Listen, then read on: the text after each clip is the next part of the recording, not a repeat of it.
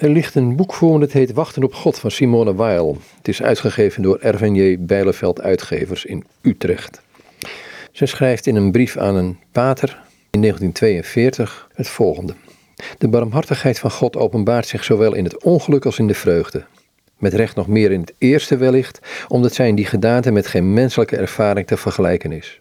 Menselijke ontferming treedt alleen aan de dag in het geven van vreugde, of indien er pijn wordt toegebracht in de hoop op zichtbaar resultaat, dus bij de genezing van het lichaam of bij de opvoeding. Maar het zijn niet de zichtbare gevolgen van het ongeluk die blijk geven van goddelijke barmhartigheid. De uiterlijke gevolgen van het ongeluk zijn bijna altijd gemeen en boosaardig. Als men doet of zij niet zijn, liegt men. In het lijden en ongeluk zelf glanst de barmhartigheid van God. In het diepst, in het centrum van ontroostbare smart. Als men met volhardende liefde tot in die diepte valt waar de ziel niet kan nalaten te roepen: Mijn God, waarom hebt gij mij verlaten? Als men op dat punt blijft, zonder de liefde te verzaken, komt men tenslotte in aanraking met iets dat geen ongeluk meer is, ook geen vreugde, doch de zuivere, niet waarneembare wezensgrond waaraan vreugde en lijden deel hebben. En deze is de liefde van God zelf. Dan weet men dat de vreugde de mildheid van de aanraking met Gods liefde is. Dat ongeluk de kwetsuur van deze aanraking is, als hij smartelijk van aard is en alleen de aanraking van belang is, niet de wijze waarop.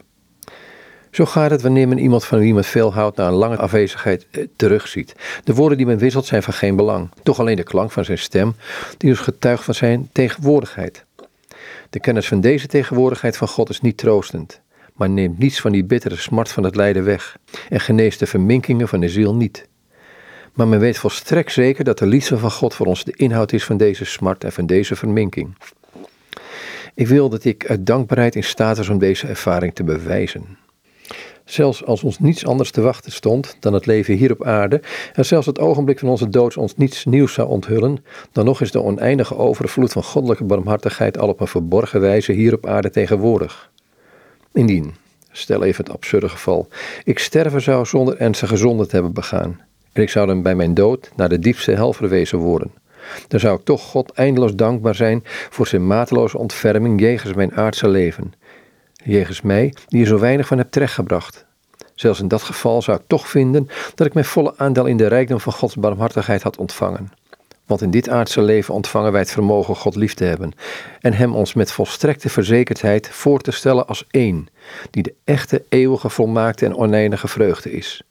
Door de sluier van onze vleeselijke staat heen vernemen wij uit het transcendente voldoende signalen van de eeuwigheid om elke twijfel dienaangaande weg te nemen. Wat zouden wij nog meer vragen en verlangen? Een moeder die haar zoon, een vrouw die haar geliefd in het rijk der vreugde weet, zal geen enkel verlangen in zich voelen opkomen iets anders te wensen of te vragen. Wij bezitten nog meer. Waar ons hart op gericht is, dat is de volmaakte vreugde zelf. Als men weet, wordt zelfs de hoop van geen belang. Ze heeft geen enkele betekenis meer. Het enige dat elk van ons mag hopen, is de genade in dit ondermaanse niet tot ongehoorzaamheid te vervallen. Al het overige is alleen Gods zaak en gaat ons niets aan. Aldus Simone Weil in een brief aan een pater uit 1942. Het is opgenomen in het werkje Wachten op God. Er is een prachtige vertaling van nog steeds op de markt, eh, uitgegeven bij uitgeverij Erven Bijleveld in Utrecht.